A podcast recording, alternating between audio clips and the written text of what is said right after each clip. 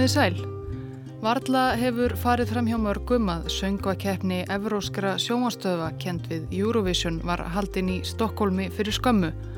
Þó svo að andi keppninar og reglur hveði áum að hún eigi öll að vera hinn ópólitískasta varð ekki komist hjá pólitíkinni í keppninni í ár. Philip Kirkorov er ótrúlega típa. Þú er ekki og Úkraina hefur unnið Eurovision. Það er eiginlega algjörlega makalust. Það var eiginlega óbærilega spennandi, jafnvel fyrir mestu leikmenn, í lok útsendingarinnar þegar ljóst var að Sigurinn myndi falla annarkort Rúslandi eða Úkrænu í skaut, löndum sem einmitt hafa eldað saman grátt silfur í á þriðja ár og svo fór Úkræna með Sigur af Holmi, söngkonan Jamala með lægið 1944.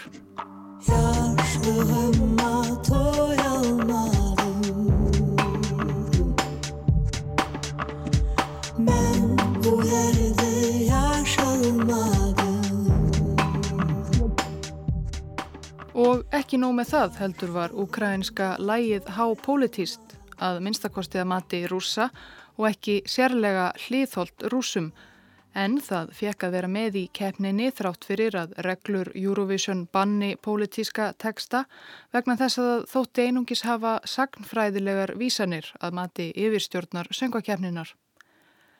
En hver er þá einlega sagnfræðilegur bakgrunnur lagsins? Söngkonan Jamala er krímtatari og titillin 1944 vísar til ársins þegar nær allir kinnbræður hennar og systur voru gerð brottaræk frá Krím þar sem tatararnir höfðu búið kynnslóðum saman og fluttir nauðugir til miðasíu fyrir litlar sem engar sakir og með þeim afleiðingum að 2000 tatara letu lífið. Það að úkrænskur keppandi Eurovision skildi vilja rifja upp þessa sögu einmitt nú tengdu rússar auðvitað strax við deilu síðustu ára um krímskagan í norðanverðu Svartahafi sem Rúsland lagði undir sig í hitti fyrra. Skæin hafði tilhert Úkrænu frá falli Sovjetiríkjana. En hvað sem því líður er ekki hægt að neyta því að broktrekstur krímtatara frá heimkinum sínum 1944 er dimmur kabli í mannkinsögunni sem sjaldan er rifjaður upp og því full ástæða til að gera það nú.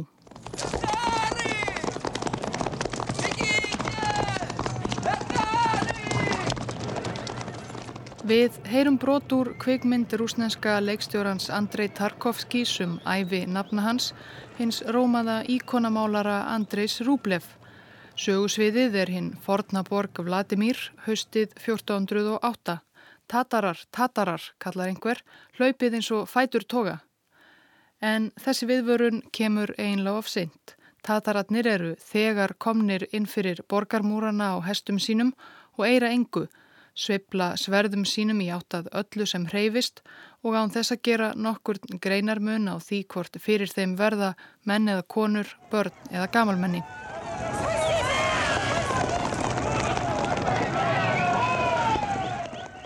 Ef til vill eru það einhverjar svona senur sem koma fyrst upp í hugan þegar minnst er á tatara.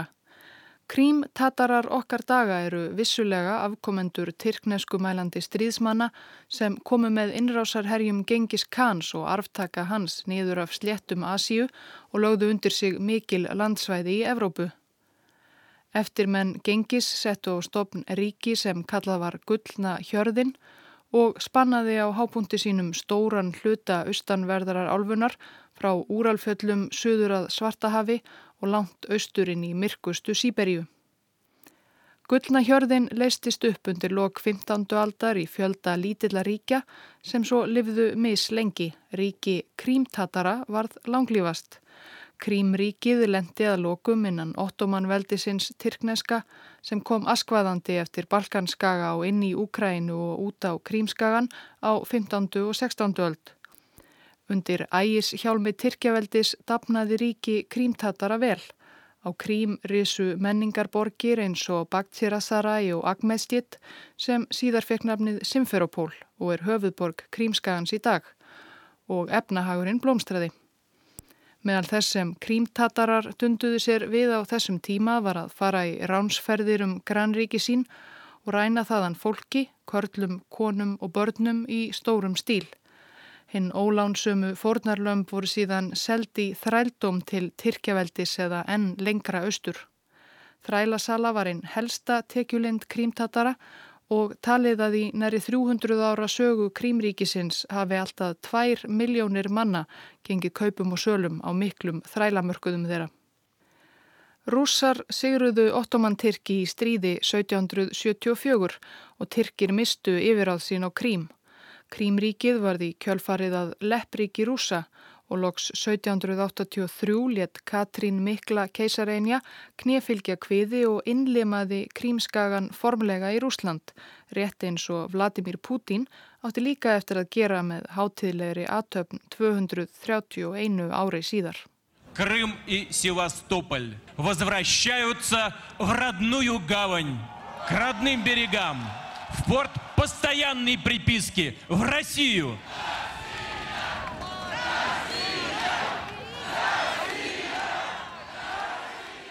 Um þetta leiti undir lok átjóndu aldar voru krímtatarar enni miklum meiri hluta meðal íbúa skagans þrátt fyrir að rússar og úkrænumenn væru að koma sér þar fyrir í auknum mæli. En það var sem samt ekki fyrir en árið 1783 sem rússar hrifsuðu krímskaga til sín.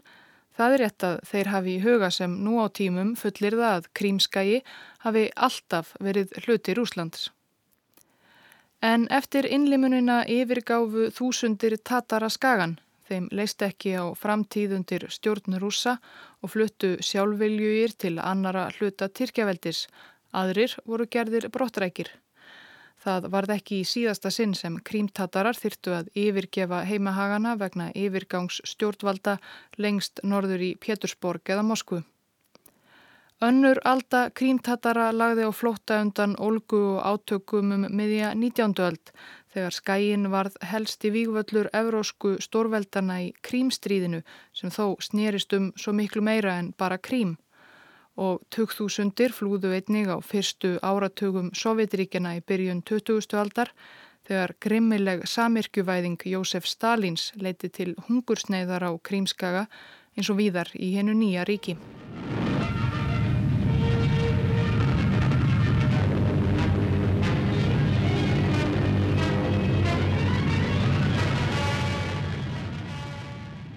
Það var barist hartum yfir á þá krímskaga í setni heimstyrjöld en þjóðverjar höfðu náð stærstum hluta skagans á sitt vald haustið 1941 og síðasta víi sovjetmanna Hafnarborgin Sevastopol fjall eftir langt umsátur í júli 1942.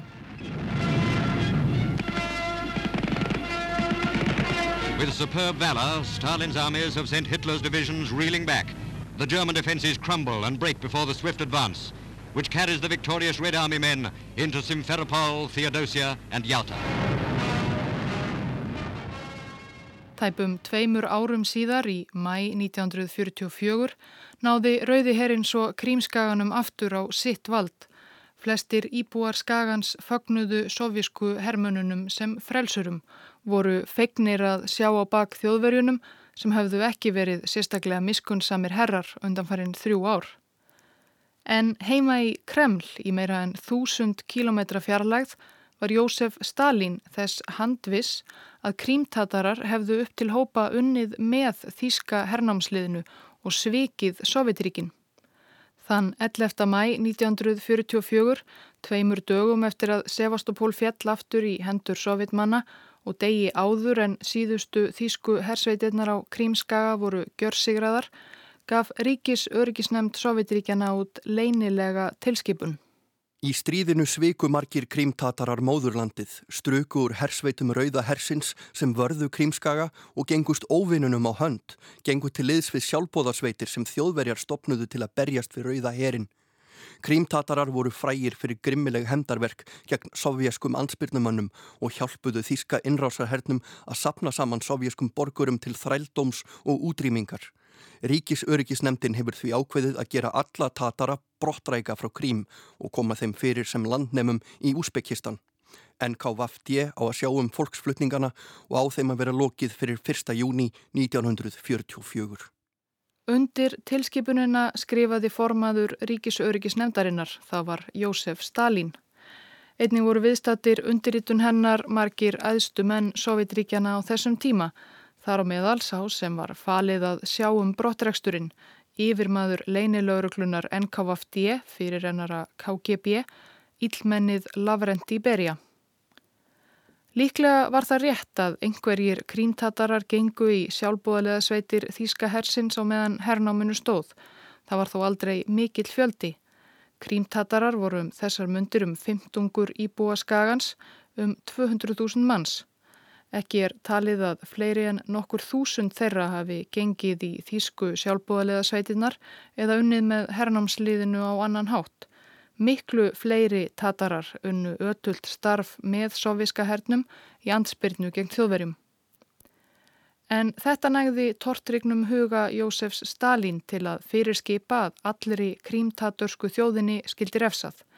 Krímtatarar voru alls ekki eina þjóðarbrótið í Sovjetiríkinum sem Stalin leitt hortnöga og hlaut svipuð örlög, svipaða sögum á segja af tjetsinum, kalmíkum, balkurum og svo mætti lengi telja.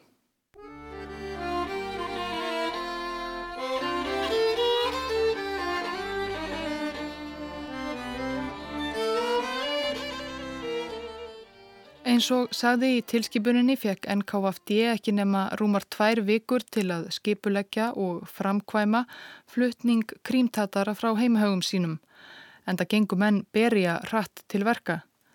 Næstu daga flyktust NKFD liðar til krím allsum 20.000 manns komnir til að framfylgja skipunum Stalins og Ríkisörgisnemdarinnar.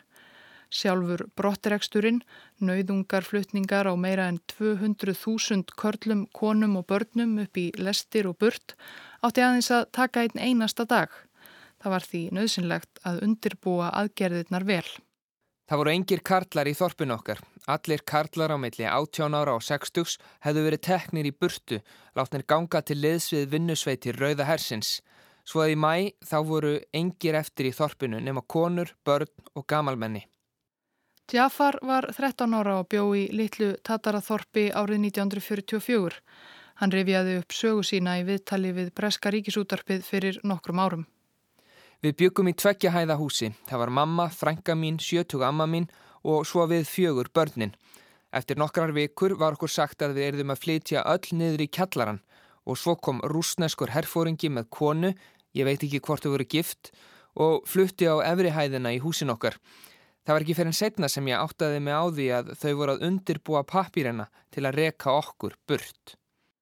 Og árla morguns 18. mæ, viku eftir að Ríkisöryggisnemdin í Kreml samþykti tilskipunina þar sem krímverskir tatarar voru útrópaðir svikarar og þjóðnýðingar, let NKVFD til skarar skrýða. Dæin áður var allt rólegt. Arire var 15 ára 1944 Laungu síðar rifjaði hún upp sárar minningar í viðtali við krímverst tímaritt. En svo mörgum heimilum þá byggu nokkrir rúsneskir hermen hjá okkur. Þeir voru í leifi. 17. mæ var stórrengjarningar dagur og við sópuðum allt og skúruðum. Hermennir spurðu, áhverju eru þið að þessu? Verður þetta ekki allt til einskis eða þyrtu nú skindilega að yfirgefa heimilið? Ég svaraði, ég hef aldrei farið neitt Amma hefur ekki svo mikið sem séð lestarvagn hvað þá ferðast. Áhverju ættu við allt í einu að fara eitthvað? Rúsarnir sögðu ekki meir, ekki orð. Það var svo um fjögur eða fimm um morgunin átjánda sem hermennir komu. Út með ykkur, veriði fljót, út með ykkur. Þið eru að fara. Þið eru svikarar, þetta er ákvörðun sovjaskra stjórnvalda, flítið ykkur út. Við vorum agdofa Frænka mín greti í gardinum og rópaði þeir drep okkur, þeir drep okkur. Ég man líka að það var mikill stormur. Vindurinn gnauðaði, tríi svignuðu og greinar föku. Öskur okkar blönduðust háfaðanum í vindinum og trjánum, ylfri hundana og bauli nautgripana. Svona hljómaði þessu morgun, ólýsanlega, hryllilega. Setna kom hagljél, stór högl. Við vorum ekki þau einu sem gretu. Það var eins og himnarnir, dýrin og trén gretu með okkur. Sveipaður hryllingur átti sér stað viðsvegarum krímskagan þennan morgun en KFD-liðar og hermenn ruttustinn á heimili Tatara með vopnavaldi og offorsi og gáfi íbúum örfáar mínútur til að sópa saman sínum dýrmætustu eigum og fylgja þeim svo burt. A.L. Vesín frá sunnanverðri Úkrænu var nýgenginn til liðs við NKVFD þegar hann var sendur til krímskagans. Hann myndist eigin þáttöku í brottreksturinnum í æfiminningabók sem hann gaf út laungu síðar eftir fall Sovjetríkjana. Við fórum inn í húsin, dróum eigundurna fram úr rúmonum og tilkynntum í nafni sovjaskra yfirvalda þá að gera ykkur útlæg fyrir að svíkja móðurlandið. Flestir tóku skipununum að undirgefni. Aðgerðin sjálf var siðlaus og þá var margt ógeðslegt sem bar fyrir augum mín. Gömul kona ætti af stað út á sléttuna störluð af sorg og var skotin niður. Fótalus maður nýkomin af spítala var bundin með reypi við bíl. Þetta var hillilegt. Á, á kvöldin heyrðum við öskrin í búfjinaðinum sem engin brindi eða mjölkaði og við vissum ekkert hvað við ættum að gera. Svona brottrekstur jafnast á við hvers konar líkamlegar eða andlegar pyntingar. Nú er ég orðin eldri og spyr sjálfan mig oft hvernig gæti ég tekið þátt í þessum skammarlegu atbyrðum. Ég man eftir þessum morgni 18. mæ. Ég hafði vaknað snemma eins og venjulega til að fara með kindurnar út í haga en allt í einu var bankað harkalega á dyrnar á kjallaranum. Það voru hermenn, tveir eða þrýr. Þeir rópuðu að það eitt að reka okkur burt. Það veri skipun frá Stalin að við yrðum að yfirgefa krímskagan. Þeir voru harðhendir, öskruðu og blótuðu og sögðu að við fengjum 15 mínútur til að taka saman eigur okkar og svo neittu þeir okkur út í bakgarðin. Við litum í kringum okkur og sáum að það voru hermenn í hverju einasta húsi í þorpinu að henda fólki út af heimilum sínum. Ringulreiðin var algjör. Engin vissi nákvæmlega hvað væri að gerast, hvert er þið farið og hvað væri í vændum. Við tókum bara það sem hendi var næst. Mamma mín og frænka gáttu gripið nokkur teppi, annars vorum við bara með fötinn sem við vorum í. Þegar við byðum á Þorpstorkinu grátt bað mamma hermennina að leif okkur að fara aftur og ná í eitthvað meira Þeir leifðu það og ég man að frænka mín gróf upp nokkrar bönir til að fara með og ég greip unga geit og setti hana á aukslina. Setna sláttröðum við geitinni og ef það hefði ekki verið fyrir kjöti af henni hefðu við ekki komist af. Sumir hirtu ekki um að reyna að taka neitt með sér þó þeim gæfist færi á því. Það byggu gýðingar á krímskaga áður en tatarskir nágrannar þeirra höfðu fylst með þíska hernámsliðinu smala þeim upp í lestir og síðan sáust þeir aldrei meir. Þannig að morgunin 18. mæ 1944 voru margir tattarar þess fullvissir að nú væri röðin komin að þeim, nú byðu þeirra svipuðu örlög og geðingana forðum. Það ætti að drepa þá. Það var því engin ástæði til að reyna setja neitt ofan í töskur. En hvort sem fólk var með farangur eða ekki, smöluðu NKFD mennir þeim á næstu lestarstöðvar. Þar var þeim síðan hrúað upp í lestir. Yfirleitt voru það gripavagnar eða annars konar flutningavagnar, glukkalöysir, ekki ætlaðir til fólksflutninga. Enda var farið með fólkið eins og skeppnur. Þegar búið var að tróða eins mörgum og hægt var inn í hvern vagn, að minnstakosti 50 manns, var skellt í lás. Þeir fóru með okkur til Agmestjitt og sett okkur upp í nautgripavagna. Ferðin tók 28 daga. Við fengum bara einu sunna borða í Saratov. Nokkrir hafðu geta tekið einhvert matarbita með, aðrir voru með örlítið kveiti, þeir elduðu úr því og gá okkur bita. Það var svo þröngt um okkur í vagninum að ég gati ekki teikt úr fótunum. Líkum þeirra sem dói á leiðinni var hent útbyrðis. Það var engin möguleiki á að grafa þau. Það var ekkert vatn, engin hreinlætis aðstafa, Engin klósett nema kannski einn fata eða gat í gólfinu á vagninum. Eins og gefur að skilja grasseriðu sjúkdómar og farsóttir við slíkar aðstæður. Lestirnar námu sjaldan staðar á langri leiðinni austur. Vagnarnir voru læstir og í þrengslunum hrönnuðust upp lík þeirra sem örðu hitanum, tróðningnum, hungrinu eða óþrýfnaðinum að bráð. Á til var stoppað til að fjarlæga líkin, kasta þeim útbyrðis. Engverjir þeirra brottreknu minnast þess að hafa heyrt þegar lestirnar fóru aftur af stað eftir slík stopp innan um vélarhljóðin Ylfur og Kjams í sjakölum sem runnu á lyktina af líkunum. Það fengu allir lús á leiðinni. Það var eins og flærtnar ætla að geta okkur upp til agna. En maður tilti sér niður hrundu lísnar yfir mannað ofan. Fólk var þakið í lúsum. Það var svo heitt og enginn gatt þegið sér. Það var ekkert vatn og ekki neitt. Samkvæmt opimberum tölum NKVFD létt 191 tatari lífið á leiðinni frá Krím til Úsbekistan. Sú tala stens þó nær öruglega ekki. Í dag er talið líklegra að alltaf 8.000 tatarar hafi týnt lífi á sjálfri ferðinni til Úsbekistan í loftlausum og óhreinum lestarvögnum án matar og drikjarvatns. En hvað sem döðsföllum leið voru stjórnendur NKFD ánæðir með gangmála. Aðgerðin gekk hratt og öruglega eins og gert hafi verið ráð fyrir eða eins og Lavrenti Beria skrifaði í símskeiti til Stalins að einum og hálfum sólarhingliðnum. 19. mæ 1944 til Ríkisöryggisnemdarinnar og félaga Stalins. Í lok 19. mæ var búið að flytja 165.515 manns á lestarstöðvar. 136.412 var komið um borði í lestir og sendir af stað í útlegð. Aðgerðir halda áfram. Beria. Dægin eftir, 20. mæ 1944, sendi Bogdan Kopulov, maður berja á vettfangi í Krím, yfirbóðara sínum símskeiti þess efnis að aðgerðinni hefði formlega lokið klukkan fjögur síðdegis.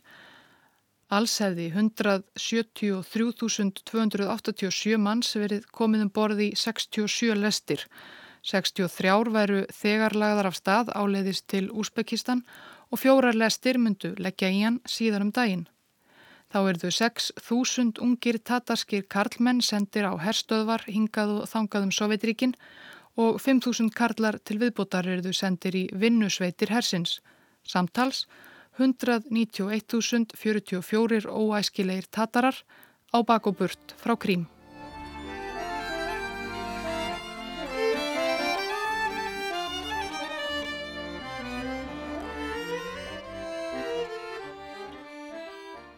Þetta var reyndar ekki alveg eins vel hefnað og Kopulov undir maður Berja vildi vera að láta í símskeitinu þann 20. mæ 1944. Það er sagt að þegar aðgerðum hafi lokið hafi topparnir í NKVFD á Krím auðvitað ákveðið að halda upp á það, blása til fagnadar. Aðeins að skála fyrir velunum störfum. En yfir vodkastöpunum kvíslaði einhver að Kopulov, herðu, það glemdust nokkur þorp. Það voru nokkur lítil fiskveiðiþorp á Arabat-tanga við Asofhaf sem virtust einfallega hafa glemst þegar NKFD-mennir kortlögðu Tataraþorpin á Krím. Kopulov brást ókvæða við en það búinn að tilkynna yfirbóðurum sínum í Kreml að engir Tatarar væru eftir á skaganum og búinn að opna vodkaflöskunnar og hella í staupin. Kopulov fyrirskipaði því að Tatararnir í þessum glemdu þorpum skildu einfallega drefnir enginn fengi að lifa. Innan sólarings eru þeir allir að vera látnir. Hermenn voru sendir af stað. Þeir smöluðu öllum íbúum þorparna á Arabat-tanga upp í gamalt hrörlegt bátskripli, niður í kjölinn öllum og læstu svo. Bátnum sildu þeir út á mitt Asofhafið þar sem það er hvað allra dýpst og svo söktuður honum. Á meðan báturinn sökk með manni og músbyðu hermenn á minni bátum með vélbissur á lofti og skutu þá sem tókst að komast upp á yfirborðið. Vert er að taka það fram ágæti hlustandi að þeir eru til sem evastum að þessi atburður sem krímtattarar kalla harmleikin á Arabat hafi átt sér stað í raun og veru. Það hafa víst engin óyggjandi sönnunargögn fundist um þennan hluta sögunar en það sökk bátskriplið líklega langt niður á botn Asofhafsins með öllum slíkum sönnunargögnum. En krímtattarar í dag fullir það að þetta sé satt, glemdur kapli glemdra hörmunga og frásagnir sjónarvotta hafa byrst í fræðigreinum og bókum.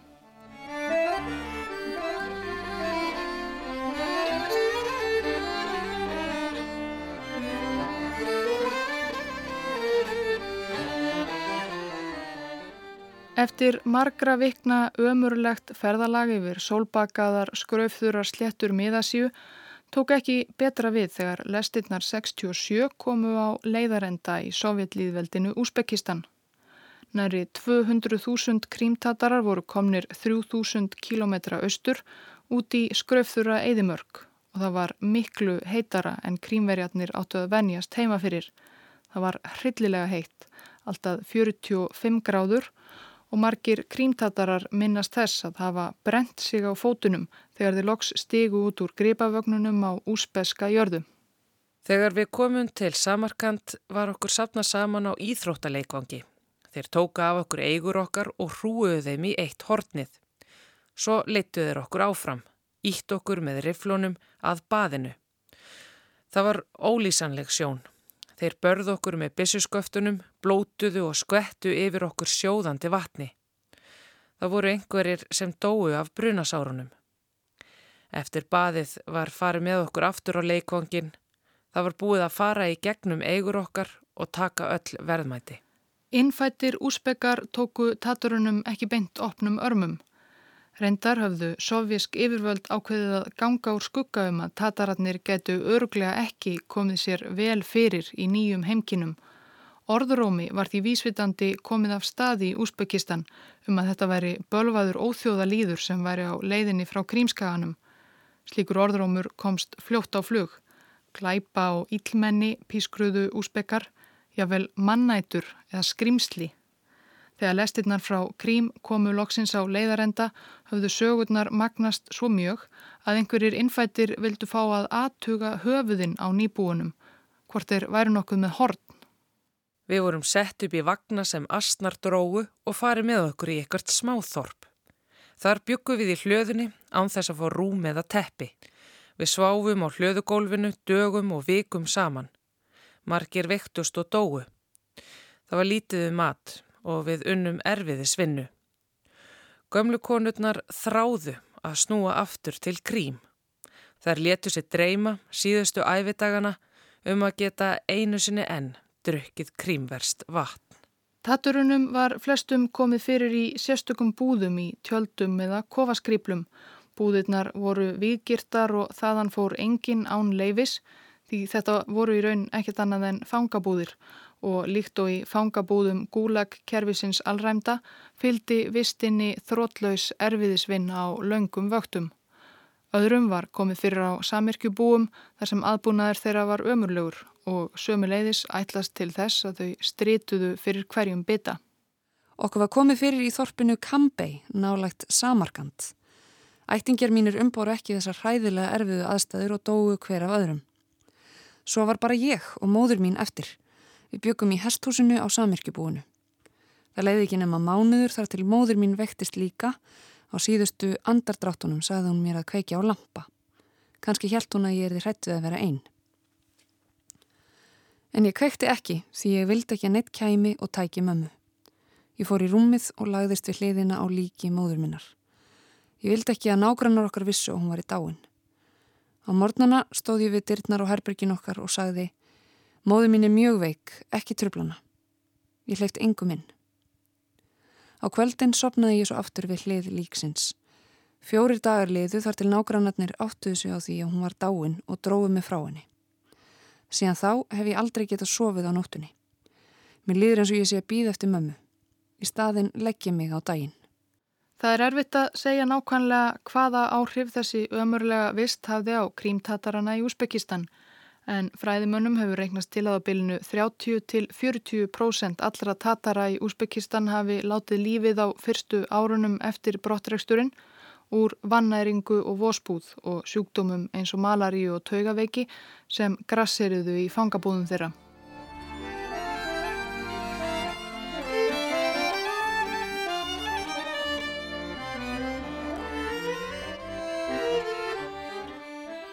Samtök krímtatara hafa á síðari árum reikið herrferð fyrir því að myrkraverk sovjaskara stjórnvalda verði skilgreind sem þjóðarmorð eða í það minsta þjóðernis reynsanir. Um það eru skiptarskoðanir en það fór svo sem aldrei á milli mála að markmið Kremlverja var að reynsa skagan af þessari tatursku óværu í eitt skipti fyrir öll. Þegar tatararnir voru á bak og burt frá Krímskaga hófust sovjetmenn handa við að má út öll merki um að þeir hefðu nokkuð tíman byggt þetta land. Minnismerki um tatarska sögu voru eidilögð, bækur og handrit á tatursku fjarlögð úr bókasöfnum, þeim hendið að þau brend, moskur og aðrar trúarlegar byggingar gerðar að geimslum og leggsteinar úr grafreitum tatara notaðir sem byggingarefni. Tatörskum örnefnum var skipulega breytt í rúsnesk og Tataraþorp sem nú voru orðin mannlaus þurkuð af landakortum. Og jafnvel í Úsbekistan áttu Tatararnir að segja skilið við þjóðverðni sitt menningu og sögu. Þeir voru flokkaðir sem sérstakir landnemar á bókum hins opimbera sem þýtti að þá skorti flest borgarleg réttindi og þeir þurftu jafnvel reglulega að gefa sig fram við yfirvöld líkt og fangar á lífstíðarlöngu skilorði. Það móttu þeir ekki skilgreina sig krímtatara í vegabrefum eða öðrum opimberum skjölum. Sætti maður um sovjest vegabref sem krímtatari var nær örugt að maður fekk sinjun. Útlagarnir áttu helst ekki að minnast á sitt gamla heimaland einu orði.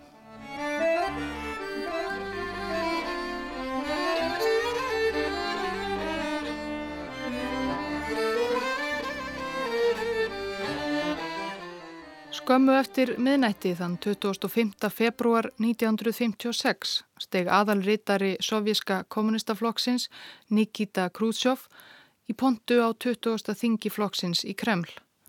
Bóðað hafi verið til ræðunar með skömmum fyrirvara og hana fekk aðeins innsti ringurinn að heyra og allsengir fjölmiðlar. Þeir sem voru í fundarsalnum þessa nótt fengu að heyra Krútsjóf þylja upp langan lista glæpa og óhæfuverka forvera hans, Jósefs Stalins, sem hafi dáið þremur árum áður. Og þar á meðal var meðferðin sem krímtatarar og önnur þjóðarbrott höfðu sætt. Sovjetríkin eru réttilega talin fyrirmynd hins fjölþjólega ríkis, þar sem við höfum tryggt jafnrétti og bræðralag allra þjóðana sem byggja okkar mikla föðurland. Þeim mun hryllilegri eru aðgerðirnar sem Stalin hafði frumkvæði að og eru gróf brot á þeim grunngildum leninismans sem liggja að grundvelli þjóðastefnu Sovjaska ríkisins. Já þar við fjölda brottrekstur heilu þjóðana frá heimkinum þeirra án nokkura hernaðarlegra sjónamiða. Í kjölfar hinnar svonemdu leini ræðu Krúsjófs og tilrauna hans til að vinda ofan af glæpum Stalin tímans losnuðu krímtataratnir síðar á árinu 1956 við skilgreininguna sem sérstakir landnemar í Úsbekistan, skilgreininguna sem hafði í raun jafnast á við fangelsistóm og fengu aftur talsvert af þeim borgarlegu réttindum sem þeir hafðu ekki fengið að njóta í nýjum heimkinum sínum í miðasjú. Flesta dreymdi þó helstum að fá að snúa aftur til gömlu heimahagana en það leið og beigð áður en sádraumur gatt ræst. Líklega gáfu margar gamlar tatarakonur upp öndina ánþess að hafa fengið að dreipa á krímversku vatni í hinsta sinn. Það var ekki fyrir en árið 1967 eftir að Tatarar hafðu reglulega um ára bílem til fjölmennra og fjölmarkra mótmælafunda í úsbeskum borgum sem þær sakir sem Stalin hafi borið alla krímtatursku þjóðina voru formlega látnar nýður falla og krímtatarar voru ekki lengur landráðamenn og þjóðnýðingar. Þeir fengu þá einnig leifi til þess að snúa aftur heim en það var þó enn hægara sagt en gert. Þetta var laung leið og langflestir tatörsku útlagana fátækir en það tækifærin fyrir þá þarna eistra af afar skortnum skamti. Engurjar fjölskyldur slóu til og fóru heim og þar beð þeirra litlu betra líf. Rússar og úkrænumenn hafðu þá fyrir löngu síðan sest að í húsunum þeirra tekið yfir fyrirtækið þeirra og verslanir. Tatararnir voru svo gott sem réttlausir og næsta ómögulegt fyrir þá að koma alminlega undir sig fótunum í gamlu heimahögunum. Það þurfti hrun Sovjetiríkjana til þess að gera krímtatarunum í raun og veru kleift að snúa aftur til síns heima, til Skagans sem þá var orðin hluti af sjálfstæðri Úkrænu. Og þá gerðu þeir það í stórum stíl, ungir sem aldnir, ófáir sem hafðu fæðst og alist upp í Úsbekistan og aldrei þekkt krímskaga nema sem einhvers konar góðsagnakenda ættjörði í endurmenningum gamla fólksins. Frá 1989 til ásins 2001 fjölgaði taturum á krímskaga ár 38.000 mínari 260.000 Þeir voru um 12% íbúa skagans á vormánuðum 2014 þegar rúsneskir hermenn byrtust á götum krímverskra borga og bæja. En síðan þá hafa einhverjir lagt á flóta enn eina ferðina. Meðan við þær frásagnir sem við höfum heyrt hér í þessum þætti er kannski ekki að undra að krímtatarar hafi ekki tekið því íkja vel þegar rússar mættu til að sjálsa undir sig skagan. Tatarar óttuðust til að nýju herra á krím hvað mest, mótmæltu hvað háværast. Hryllingur nauðungarflutningana er saga sem þeir hafa haldið á lofti síðustu sjö áratugina og er þjóðinni því enni fersku minni. Jamala, tatarska söngkonan sem segraði í Eurovision nú fyrir skömmu, segir að hún hafi byggt lægið 1944 á reynslu ömmu sinnar í nauðungarflutningunum. Hún segir að það hafi verið og sé erfitt fyrir hana að rifja upp þessar minningar aftur og aftur. En einmitt núna sé það nöðsynlegra en nokkru sinni.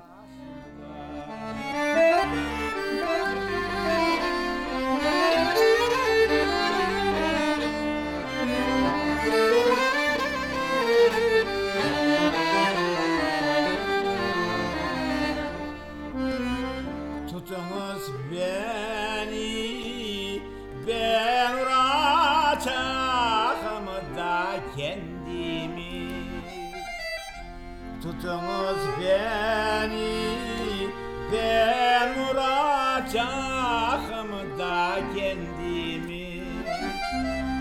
Beni kendime layık gördüm halimi. Beni kendime layık gördüm halimi. Yaş başı yaşımda Kadir Mevlam al belayı başımda. Yaş başımda Genç yaşımda